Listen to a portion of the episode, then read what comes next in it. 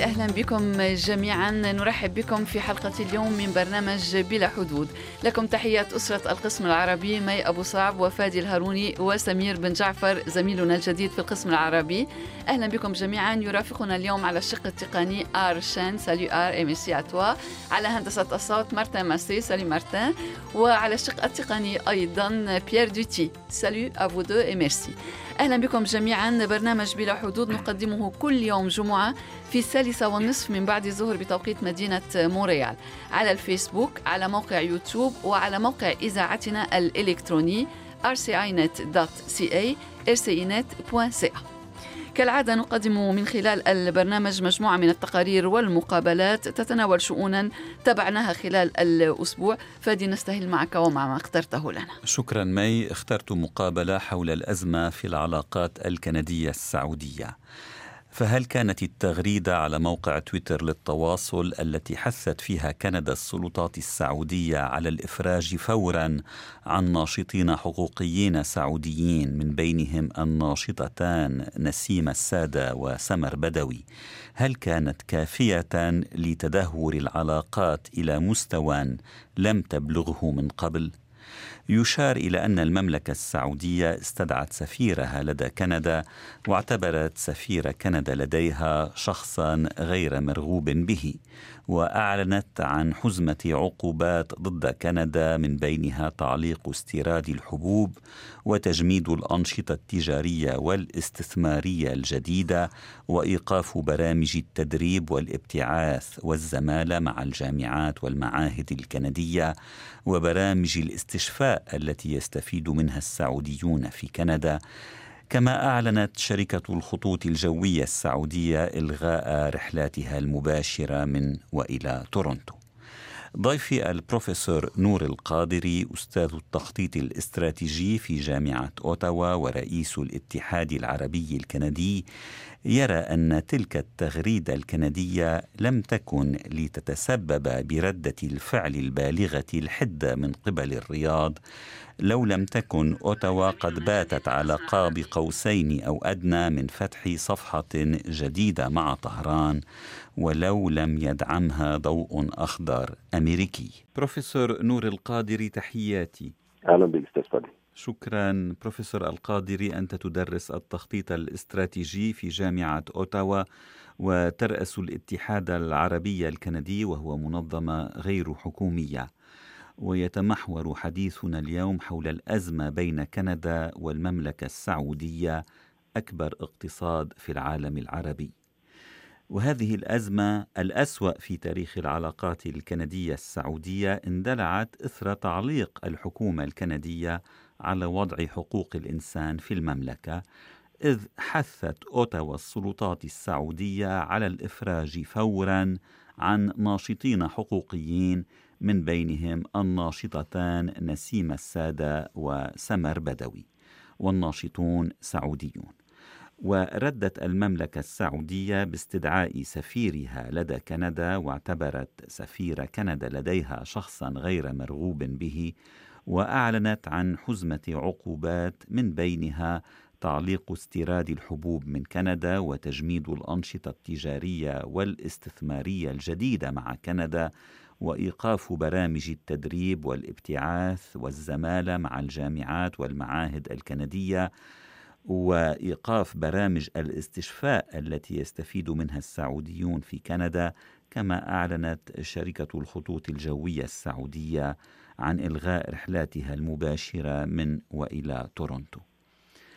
بروفيسور نور القادري ردة الفعل السعودية بنظر الكثيرين لم تكن متناسبة مع حجم الانتقاد الذي تضمنته التغريدة تغريدة وزارة الخارجية الكندية.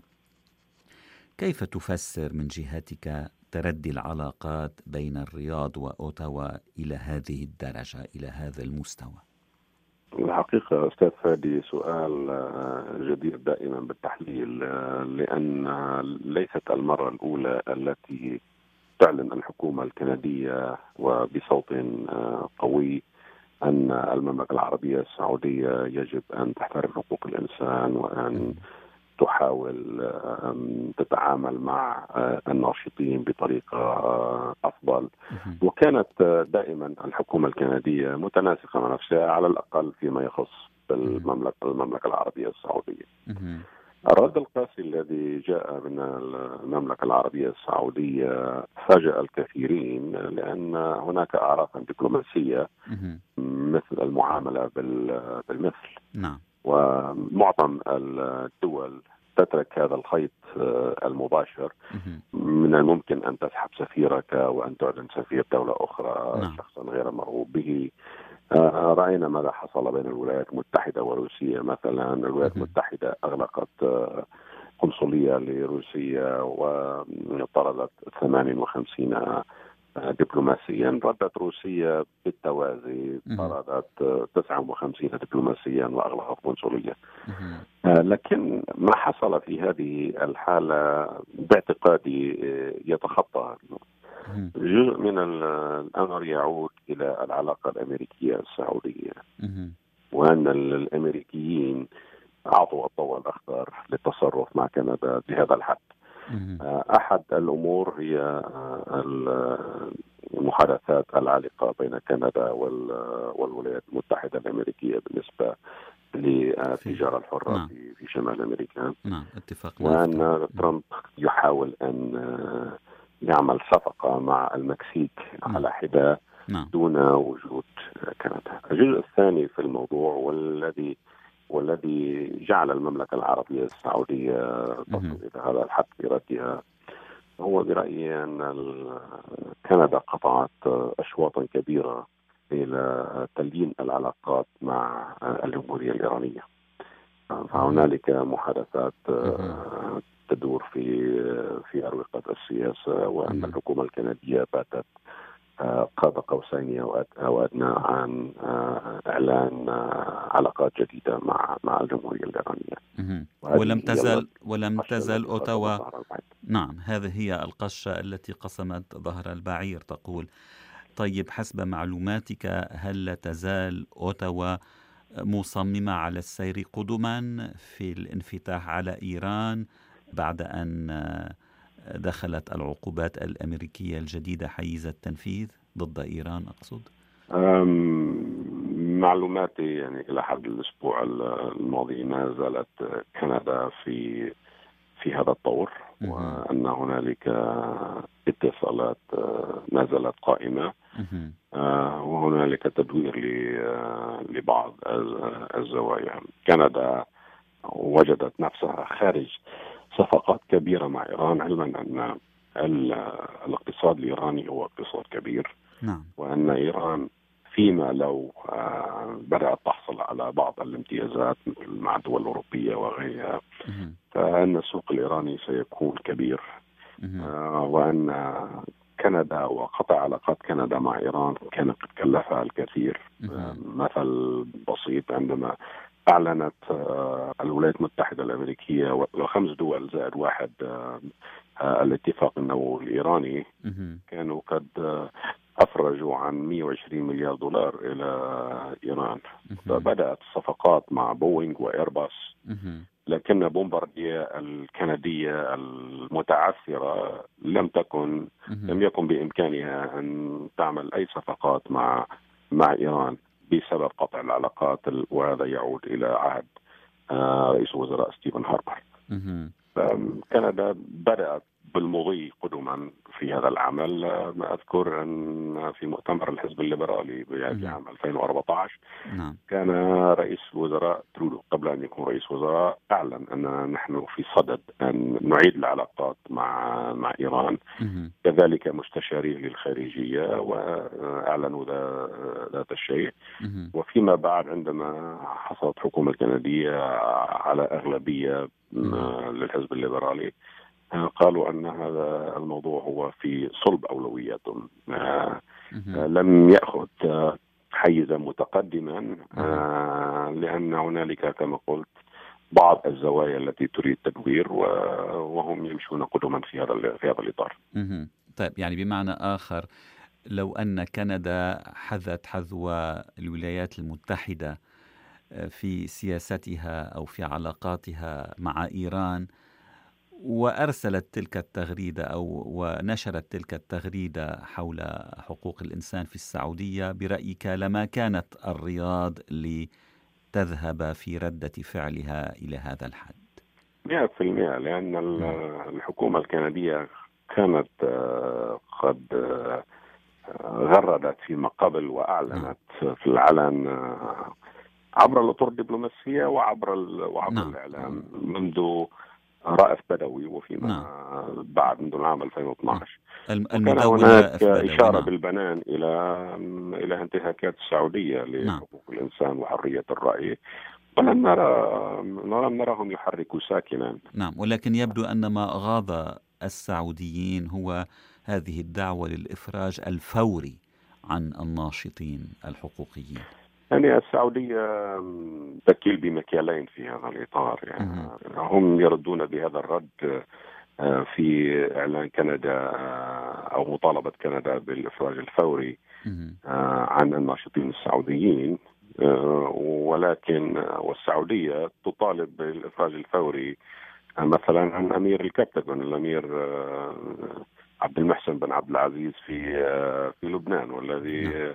ضبط وهو يهرب المخدرات في في مطار نعم. بيروت نعم. ربما ما فات السعودية أو جاء إلى فكرهم أن كندا قد تنصاع إلى إليهم أو أنهم يعتذرون أو قد يكون الرد الكندي آه، بطريقة غير الذي سمعناه نعم. لأن العلاقة الاقتصادية الكندية السعودية كبيرة وأن هناك عدة شركات كندية لديها صفقات كبيرة مع مع السعودية ولكن ما فات السعودية أن الاقتصاد الكندي هو اقتصاد كبير وأن كندا هي من الدول الصناعية السبع الكبرى وأن كندا عندها أكثر من 40 اتفاق تجارة حرة مع مع دول أخرى كبيرة وأن وأن العلاقة السعودية الكندية في مجال التجارة آه، تعتبر تدويرا في الموازنة الكندية آه،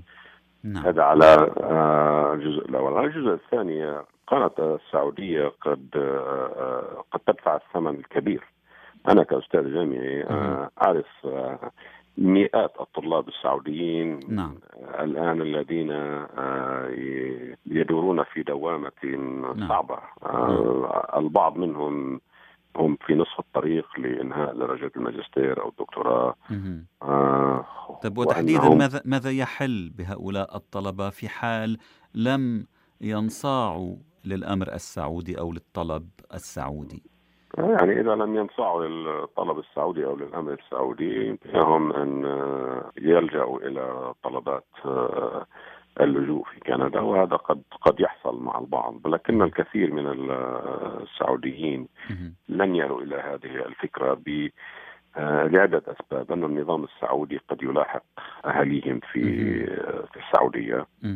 آه، من من جهة ومن جهة ثانية فهم سيخسرون الكثير. نعم. المملكة العربية السعودية كانت تدفع أقساطهم وتدفع إقامتهم وأن الطلاب السعوديين أو السعوديون والسعوديات مدللون في في كندا. وأن السعودية طلبت منهم هذا الطلب وستنقلهم إلى جامعات أخرى.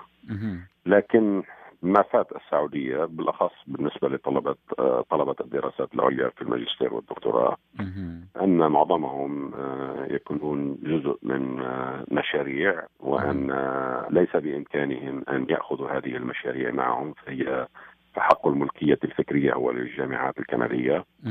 وللأساتذة الكنديين الجامعيين وأن هؤلاء الطلبة إذا ما ذهبوا إلى جامعات أخرى سيبدأون من الصفر. طيب أود أن أسألك عن ردة الفعل الكندية يعني باستثناء تأكيد رئيس الحكومة جوستان ترودو أن أوتاوا لن تعتذر للسعودية وهو تأكيد ضمني بأن كندا لن تعتذر.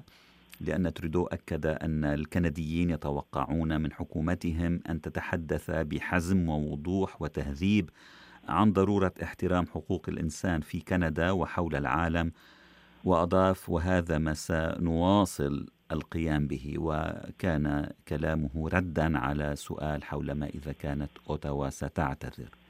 يعني هذا الموقف واضح ولكن من ناحية أخرى لم تتخذ كندا أي إجراء ردا على الإجراءات السعودية حتى أنها لم تعلن أنها ستتوقف مثلا عن استيراد النفط السعودي. في الوقت الذي قالت المملكة أنها ستواصل تزويد كندا آه، بالنفط الذي يعني تستورده. هنالك عدة أمور آه، يجب التطرق إليها في هذا المضمار. كندا دولة لها علاقة كبيرة في الدبلوماسية وأن الحكومة الكندية كانت متفاجئة جدا. من الرد السعودي لأنه لم يكن على قياس تغريدة آه، فجاءوا في حزمة آه، في حزمة كبيرة من آه، من المقاطعات وطرد السفراء وما إلى ذلك نعم. هذا الرد لم يكن مسبوقا في المعايير الدبلوماسية في أي دولة أو أو بين أي دولتين. على كل الأحوال السعودية طلبت من طلابها ومرضاها مغادرة كندا قطعت رحلات السفر إلى نعم. من وإلى كندا للخطوط الجوية السعودية أوقفت التعاملات التجارية الجديدة المصرف الجديدة. المركزي السعودي نعم. طلب من مدراء المحافظ الاستثمارية بايع كافة الأسهم الكندية نعم. ألم يكن باستطاعة أوتاوا أن توقف استيراد النفط السعودي مثلا؟ وأن تستعيض عنه بنفط من الولايات المتحدة وهو أمر يعني السعودية ليس ليس صعبا. السعودية وكندا هنالك شراكات كبيرة بالنسبة للتجارة وأن معظم هذه العقود تحتوي على بنود جزائية. فمثلا السعودية عندما ألغت هذه الصفقات لم تلغي صفقة الأسلحة. لم تلغي صفقات SNC-Lavalin التي هي في حوالي 12 مليار دولار. صفقات كبيرة لم تلغيها نعم. لأن هنالك بنود جزائية في هذه العقود. نعم. من المعلوم أيضا أن قطاع النفط عادة نشتري النفط في عقود آجلة. صحيح. فمن الممكن جدا أن بعض عقود النفط أو بعض النفط الذي سيشحن آه، من السعودية إلى إلى كندا. كان قد دفع سلفا أو وقعت هذه العقود وهنالك أيضا بنود جزائية في هذه العقود. وقد تكون هذه العقود إلى ثلاثة أشهر وإلى ستة أشهر آه، مقبلة. ففي هذه الحالة ليس بإمكان آه، كندا أو السعودية قطع مثل مثل هذه العقود للأسباب الجزائية اولا. من ناحية الطرفين اما بالنسبة للحكومة الكندية فما زالت تأمل إلى أن تعيد العلاقات مع السعودية. ليس من باب الضعف ولكن من باب الحكمة الدبلوماسية وهل ترى هل ترى مخرجا قريبا لهذه الأزمة؟ أنا لن أرى أي مخرج لهذه الأزمة قبل الانتخابات النصفية الأمريكية في نوفمبر. أعود إلى ما قلت أولا أن الضوء الأخضر جاء من البيت الأبيض. وأن أن هنالك أمورا كثيرة متعلقة بالانتخابات الأمريكية النصفية في نوفمبر من العام الحالي. على كل حال ستكون لنا متابعة لهذا الملف. بروفيسور نور القادري من أوتاوا شكرا جزيلا لهذا الحديث. شكرا لك أستاذ العفو. فادي شكرا لك. أنا من جهتي تابعت شأنا اقتصاديا بعد الإعلان الذي صدر عن وزير المال الكندي بيل مورنو الذي تحدث فيه عن إجراءات طارئة ستتخذها الحكومة لدعم قطاع الفولاذ في كندا ومواجهة ارتفاع واردات الفولاذ المدعوم إلى السوق الكندية أو في السوق الكندية. كان وزير المال قد زار أحد المصانع في مقاطعة أونتاريو وتحدث على أثر ذلك إلى الصحفيين. آه، للتذكير فإن الإدارة الأمريكية إدارة الرئيس ترامب فرضت رسوما بقدرها بنسبة 25% على الفولاذ و10% على الفولاذ. آه 25 أو 20 نعم. 25% على الفولاذ آه و10% على الألومنيوم الولايات المتحدة. نعم. وطبعا في البداية كانت ستستثني من هذا الإجراء كندا والمكسيك ولكن فيما بعد قررت نعم. أن تفرضها أيضا على المكسيك على كندا وعلى نعم. دول الاتحاد الأوروبي. كل نعم. هذا ولد وردت كندا بالمثل. نعم. ردت كندا واتخذت إجراءات نعم. مضادة وفرضت رسوما آه، تصل قيمتها قيمتها إلى 16.6 مليارات دولار على عدد من المنتجات الأمريكية بما فيها نعم. الفولاذ نعم. نعم. وزير المال الكندي قال إننا في ظرف استثنائي ناجم عن هذه الإجراءات نعم. الأمريكية. الوزير لا يريد أن تغرق السوق الكندية بمنتجات من الفولاذ الرخيص لأن هذا يؤثر في الصناعات الكندية كما قال وأيضا في الوظائف في هذا القطاع الحيوي. كندا تريد أيضا أن تتجنب اتهامها بأنها الباب الخلفي الذي يدخل منه الفولاذ الرخيص آه إلى الولايات المتحدة. الوزير مورنو قال إنه سيجري مشاورات على مدى 15 يوما لجس نبض المعنيين في هذا القطاع ولتتخذ كندا إجراءاتها الطارئة كما أسماها على ضوء هذه الاستشارات التي يكون قد أجراها. وقال إننا في ظرف استثنائي ويحتم بدون شك التدخل. التقرير الذي أعددته حول الموضوع متوفر أيضا على موقعنا rcinet.ca أعلن وزير المال الكندي بيل مورنو أن الحكومة تستعد لاتخاذ إجراءات طارئة لمواجهة خطر ارتفاع واردات الفولاذ المدعوم في السوق الكندية. وأشار مورنو إلى أنه سيجري مشاورات على مدى أسبوعين بشأن سبع منتجات من الفولاذ شهدت زيادة في وارداتها منذ فترة. وكان الرئيس الأمريكي دونالد ترامب قد أعلن قبل بضعة أشهر عن فرض رسوم بنسبة 25% على الفولاذ و10% على الألومنيوم المستورد من كندا والمكسيك ودول الاتحاد الأوروبي. وما زالت الإجراءات الحمائية الأمريكية التي دخلت حيز التطبيق اعتبارا من مطلع حزيران يونيو الفائت تترك مضاعفاتها على سوق الفولاذ في العالم التي كانت أصلا تشهد زيادة في الإنتاج. وتسعى كندا لتجنب إغراق سوقها بواردات رخيصة قد تؤثر سلبا في صناعاتها وتهدد الوظائف في هذا المجال. كما أنها تريد تجنب اتهامها بأنها الباب الخلفي الذي يدخل منه الفولاذ الرخيص إلى السوق الأمريكية حيث يتم استيراد الفولاذ الرخيص إلى كندا ويجري تعديله بطريقة ما على أن يصدر فيما بعد. ويتخوف الوزير مورنو من موجة من المنتجات الرخيصة المستوردة التي تسيء إلى الصناعة وإلى العمال الكنديين ونستمع إلى بعض ما قاله. Canada is now at risk for a surge in imports of steel products, which could harm Canadian steel producers and workers. From our perspective, this is just unacceptable.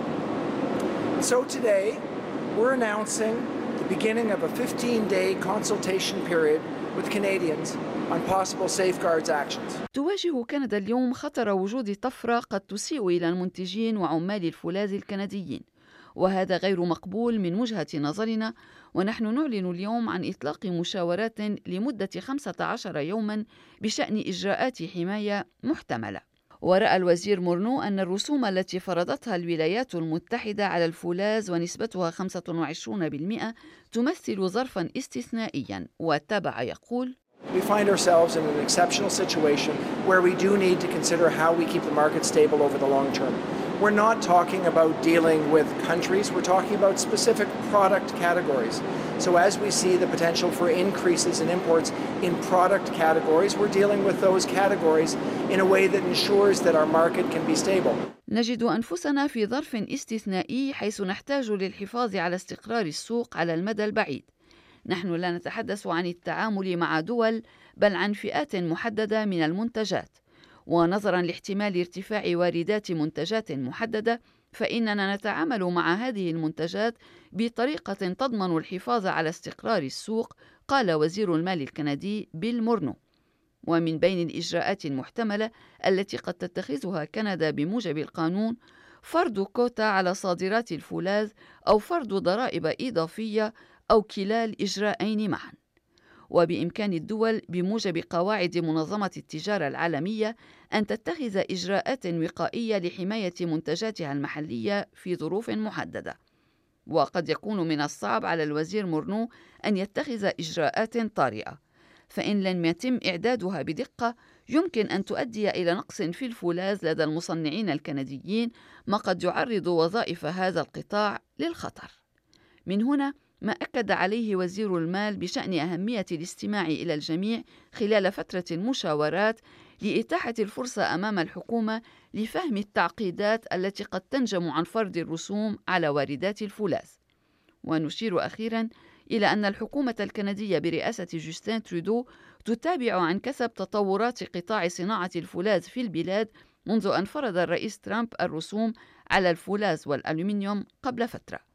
وكانت الحكومة الكندية قد اتخذت إجراءات مضادة وفرضت رسوما على واردات الفولاذ من الولايات المتحدة اعتبارا من مطلع تموز جوليو الفائت ولقي قرارها دعم النقابيين والصناعيين العاملين في هذا القطاع في كندا. سمير أنا بالنسبة لي فأنا فأنا في نفس السياق يعني نعم. في نفس في الاجراءات الأمريكية التي اتخذها اتخذتها الإدارة الأمريكية آه، ضد ضد كندا آه، أنت ما تكلمت عن عن رد الفعل الكندي أما من جانبي فأنا آه، سوف أدخل في في رد الفعل المقاطعات واخترت مقاطعة كيبك نعم. حيث كشف فيليب كويار رئيس رئيس الحكومة رئيس حكومة مقاطعة كيبك يوم الأربعاء عن خطة عن خطة بقيمة 863 مليون دولار على مدى خمس سنوات لمساعدة الشركات المتضررة من الإجراءات الحمائية الأمريكية نعم. الإجراءات الحمائية التي ذكرتها نعم التي تنطبق على كل كندا. نعم. وتركز خطة مقاطعة حكومة مقاطعة كيباك على ثلاث مجالات رئيسية وهي تدريب القوى العاملة الدعم المالي وتطوير الأسواق الجديدة. وستستفيد من سلسلة الإجراءات هذه الشركات المتضررة بشكل مباشر أو غير مباشر من قرارات إدارة ترامب التي فرضت رسوما جمركية كما قلت على عدة منتجات وقطاعات كالصلب والألمنيوم أو حتى القطاع الزراعي. نعم. وتهدف الحكومة إلى التخفيف من تأثير التدابير الجمركية على شركات كيبك وللتذكير فقط أن الرسومات الأمريكية دخلت حيز التنفيذ في واحد في الأول من حزيران يونيو. نعم بالفعل. أما ورد الفعل الكندي نعم. نعم دخل حيز التنفيذ في الأول من مطلع تموز, تموز يوليو نعم, نعم. تزامنا مع يوم كندا يوم كندا الوطني. نعم تزامن مع هذا اليوم وسرعت كندا للرد. نعم. و...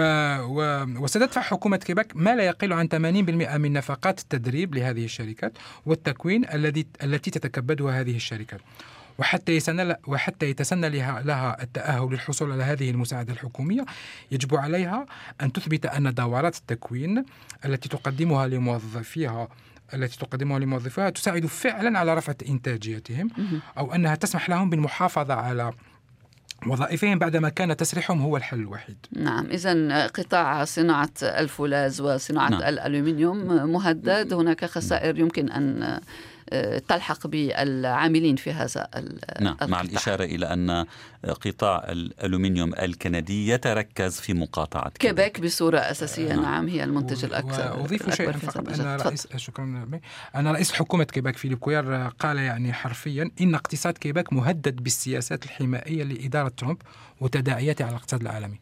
يعني ولذلك نجد أنه آه، المبلغ المالي الهائل الذي نعم المساعدة الدعم نعم. الذي ستقدمه حكومة نعم. كيبك لهذا القطاع. و... ويرى بعض الملاحظون أن التزامن تزامن هذا المبلغ مع الحملة إيه. الانتخابية في كيبك آه نعم. أنا لا أظن أنه سوف, سوف موعد الانتخابات ليس بعيدا عن هذا السخاء نعم. يعني. نعم الخريف المقبل والحملة الانتخابية تبدأ بعد أيام نعم. قليلة في كيبك والانتخابات في الأول من أكتوبر من أكتوبر نعم في هذه الحالات تكون الحكومة سخية بالإجمال ولكن في الواقع ولنكون يعني منصفين الحديث عن دعم هذه القطاعات التي تأثرت بإجراءات الحماية الأمريكية بدأ قبل فترة منذ نعم. أن يعني وضع فرض الرئيس الأمريكي هذه الرسوم التقرير الذي أعددته سمير أيضا متوفر, متوفر. على موقعنا rcinet.ca كشف فيليب كويار رئيس حكومة مقاطعة كيباك يوم الأربعاء عن خطة بقيمة 862 مليون دولار على مدى خمس سنوات لمساعدة الشركات المتضررة من الإجراءات الحمائية الأمريكية. Aujourd'hui, nous vous annonçons un plan qui représente des investissements de plus de 860 millions de dollars au cours des cinq prochaines années et qui soutiendra les investissements de plus de 3 milliards de dollars par nos entreprises. اليوم نعلن عن خطة تمثل استثمارات بقيمة تتجاوز 860 مليون دولار على مدى الخمس سنوات المقبلة والتي ستدعم ما قيمته 3 مليارات دولار من استثمارات شركاتنا وتركز هذه الخطة على ثلاث مجالات رئيسية تدريب القوى العاملة الدعم المالي وتطوير الأسواق الجديدة. وستستفيد من سلسلة الإجراءات هذه الشركات المتضررة بشكل مباشر أو غير مباشر من قرارات إدارة دونالد ترامب التي فرضت رسوما جمركية على عدة منتجات وقطاعات كالصلب والألومنيوم أو حتى القطاع الزراعي. وتهدف الحكومة إلى التخفيف من تأثير التدابير الجمركية على شركات كيباك. وقد دخلت الرسوم الأمريكية حيز التنفيذ في الأول من حزيران يونيو بنسبة 25% على واردات الصلب و10% على واردات الألومنيوم من كندا والمكسيك و28 دولة عضو في الاتحاد الأوروبي. وقال فيليب كويار رئيس حكومة مقاطعة كيباك في الندوة الصحفية التي أعقبت هذا الإعلان. L'économie du Québec est aujourd'hui menacée par les politiques protectionnistes de l'administration Trump إن اقتصاد كيباك مهدد بالسياسات الحمائية لإدارة ترامب وتداعياتها على الاقتصاد العالمي. وستدفع حكومة كيباك ما لا يقل عن 80% من نفقات التدريب والتكوين التي تتكبدها هذه الشركات.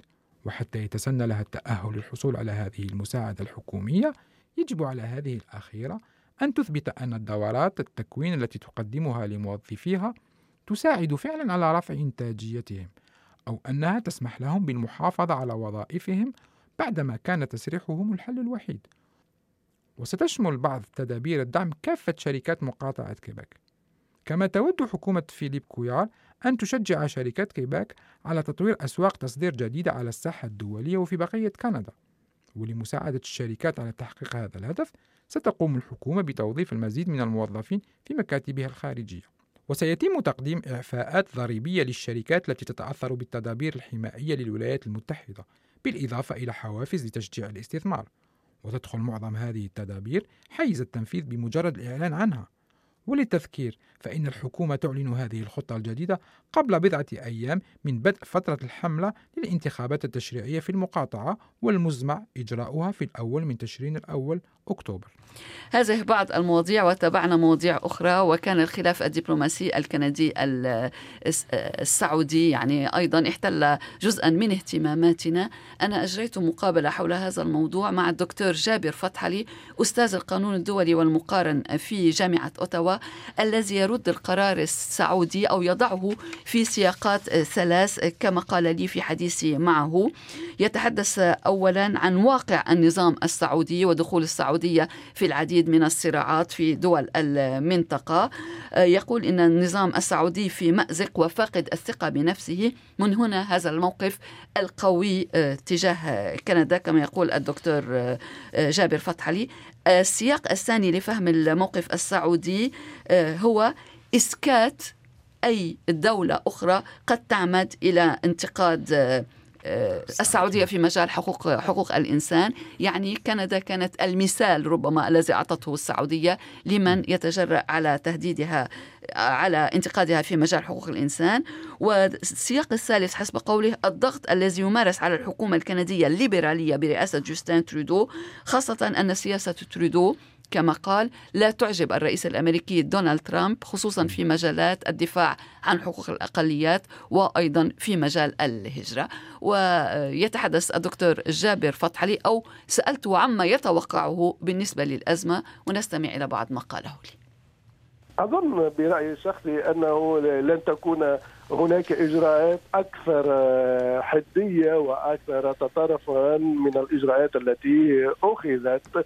وبرايي أن الأزمة ستستمر لأن السعوديين لهم آه، الخبرة في إطالة الأزمات ونرى أزمتهم مع قطر وأزمتهم مع مع مع إيران وأزمتهم مع وحربهم في اليمن.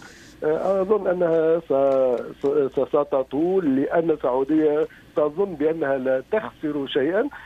وأظن أن كندا بحسب رأيي وهذا المأمول أنها ستتصرف بنفس الشيء.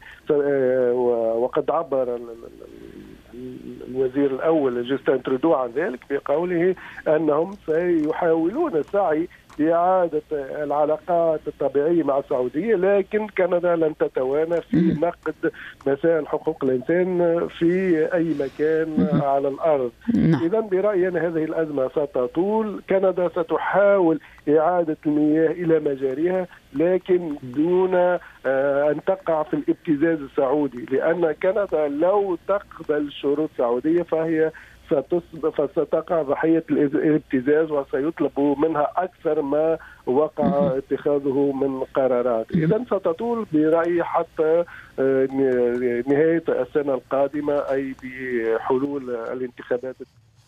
الدكتور جابر فتح علي أستاذ القانون الدولي والمقارن في جامعة أوتاوا والمقابلة متوفرة على موقعنا الإلكتروني rcinet.ca rcinet.ca فادي أنت أيضا اخترت لنا شكرا. مي اخترت مقابلة. أجريتها أمس مع مدير مركز الحوار العربي في واشنطن الأستاذ صبحي غندور حول الحملة الإعلامية المنسقة ضد, ضد الرئيس الأمريكي دونالد ترامب.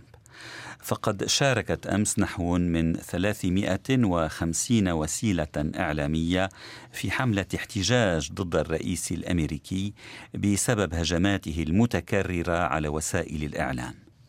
الصحفيون ليسوا العدو عنونت صحيفة ذا بوستن جلوب وكانت هذه الصحيفة الأمريكية قد أطلقت الأسبوع الفائت دعوة لوسائل الإعلام لتوجيه رد منسق على ما اعتبرته الحرب القذرة التي يخوضها الرئيس الأمريكي ضد الصحافة الحرة.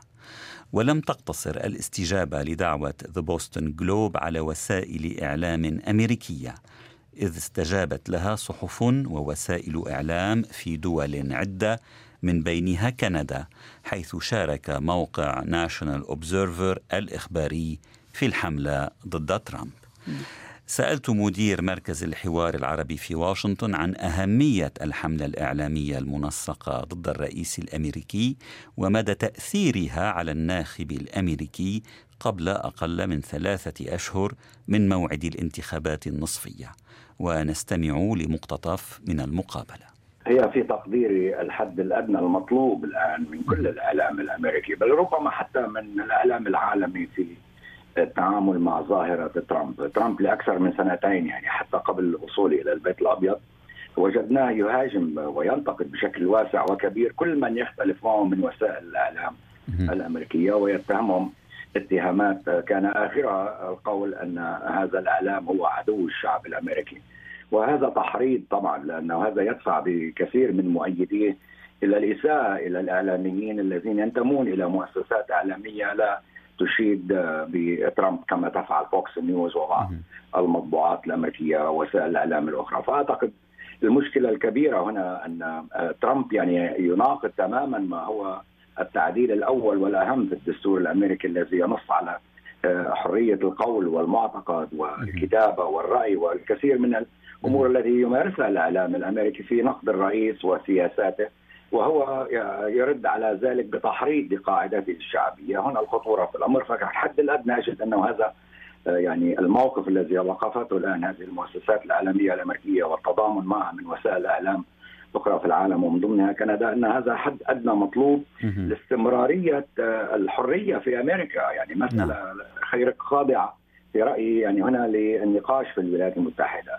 لكن أيضا يعني لنأخذ في عين الاعتبار إنه هو يعني يجمع ترامب بين نقيضين يعني هو عنده هاجس اسمه الإعلام. يعني يهتم كثيرا حتى في آه، السابقة لوجوده في البيت الأبيض. يعني الإعلام يعني الكثير له. يعني ولذلك نجده يمارس يعني عبر تويتر والتغريدات اليومية ما هو يحرض الإعلام على التعامل معه. يعني هو هو الذي يقوم بالفعل ويعتب على من يقومون برد الفعل. استمعنا إذا إلى مقتطف من المقابلة مع مدير مركز الحوار العربي في واشنطن صبحي غندور حول الحملة الإعلامية المنسقة ضد الرئيس الأمريكي دونالد ترامب ويمكن الاستماع للمقابلة بأكملها على موقعنا rcinet.ca rcinet.ca فادي شكرا. بعيدا عن اهتمامات السياسة والاقتصاد هناك أيضا اهتمامات اجتماعية اهتمامات معك اجتماعية. آه، موضوعي أنا كان حول مثلي الجنس من أصول عربية.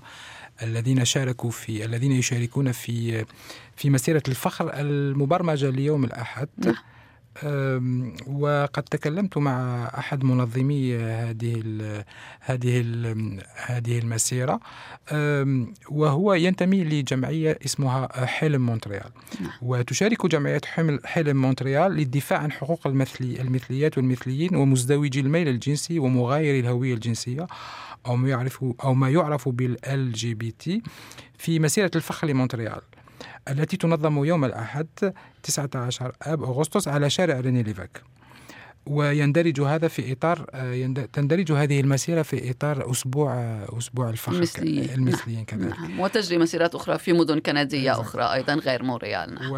وللتوضيح فقط أن الجمعية حلم تفضل تسمية مجتمع الميم على هذه التسمية الطويلة طويلة نعم. يعني نعم.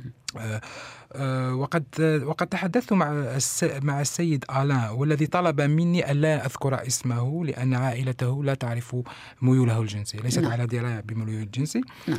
آه، وقد طلبت وقد طلبت جمعية حلم من أعضائها وأصدقائها المشاركة في المسيرة بأقنعة.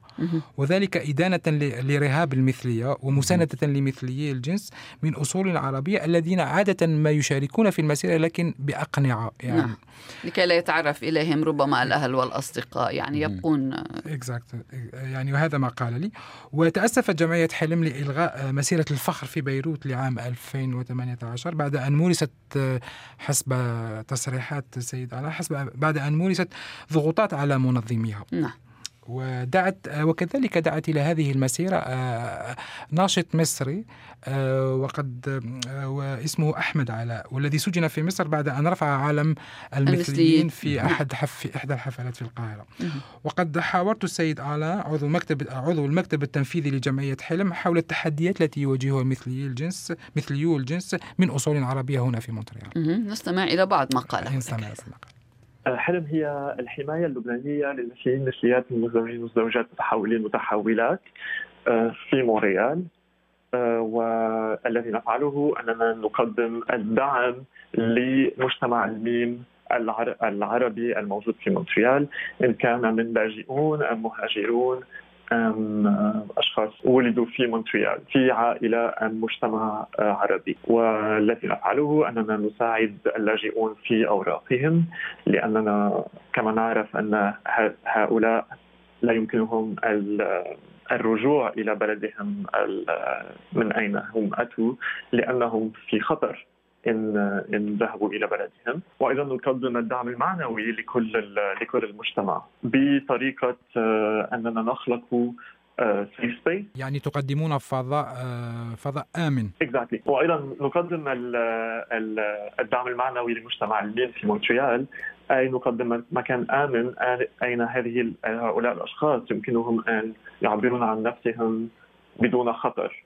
لأننا كما نعلم في مونتريال هناك مجتمعات تمارس رهاب الجنسية هناك مجتمعات آه، عربية في مونريال آه، تمارس رهاب الجنسية على الأفراد من هذا المجتمع. فنحن نؤمن هذا المكان الآمن لهؤلاء الأشخاص. آه، وكان هذا السيد علاء عضو المكتب التنفيذي لجمعية حلم آه، حلم مونتريال والتقرير موجود على على موقعنا. على موقعنا dot ca نعم. شكرا سمير. بهذا تنتهي حلقة اليوم من برنامج بلا حدود. قدمناها لكم من راديو كندا الدولي. مرة أخرى أشكر آه، أرشين على الشق التقني وأيضا بيير جيتي وعلى هندسة الصوت مارتن ماسي. merci à vous trois شكرا للزميلين سمير بن جعفر وفادي الهاروني. شكرا. آه، لكم تحيات الزميلين وتحياتي أنا مي أبو صعب. طابت أوقاتكم. كنتم مع راديو كندا الدولي.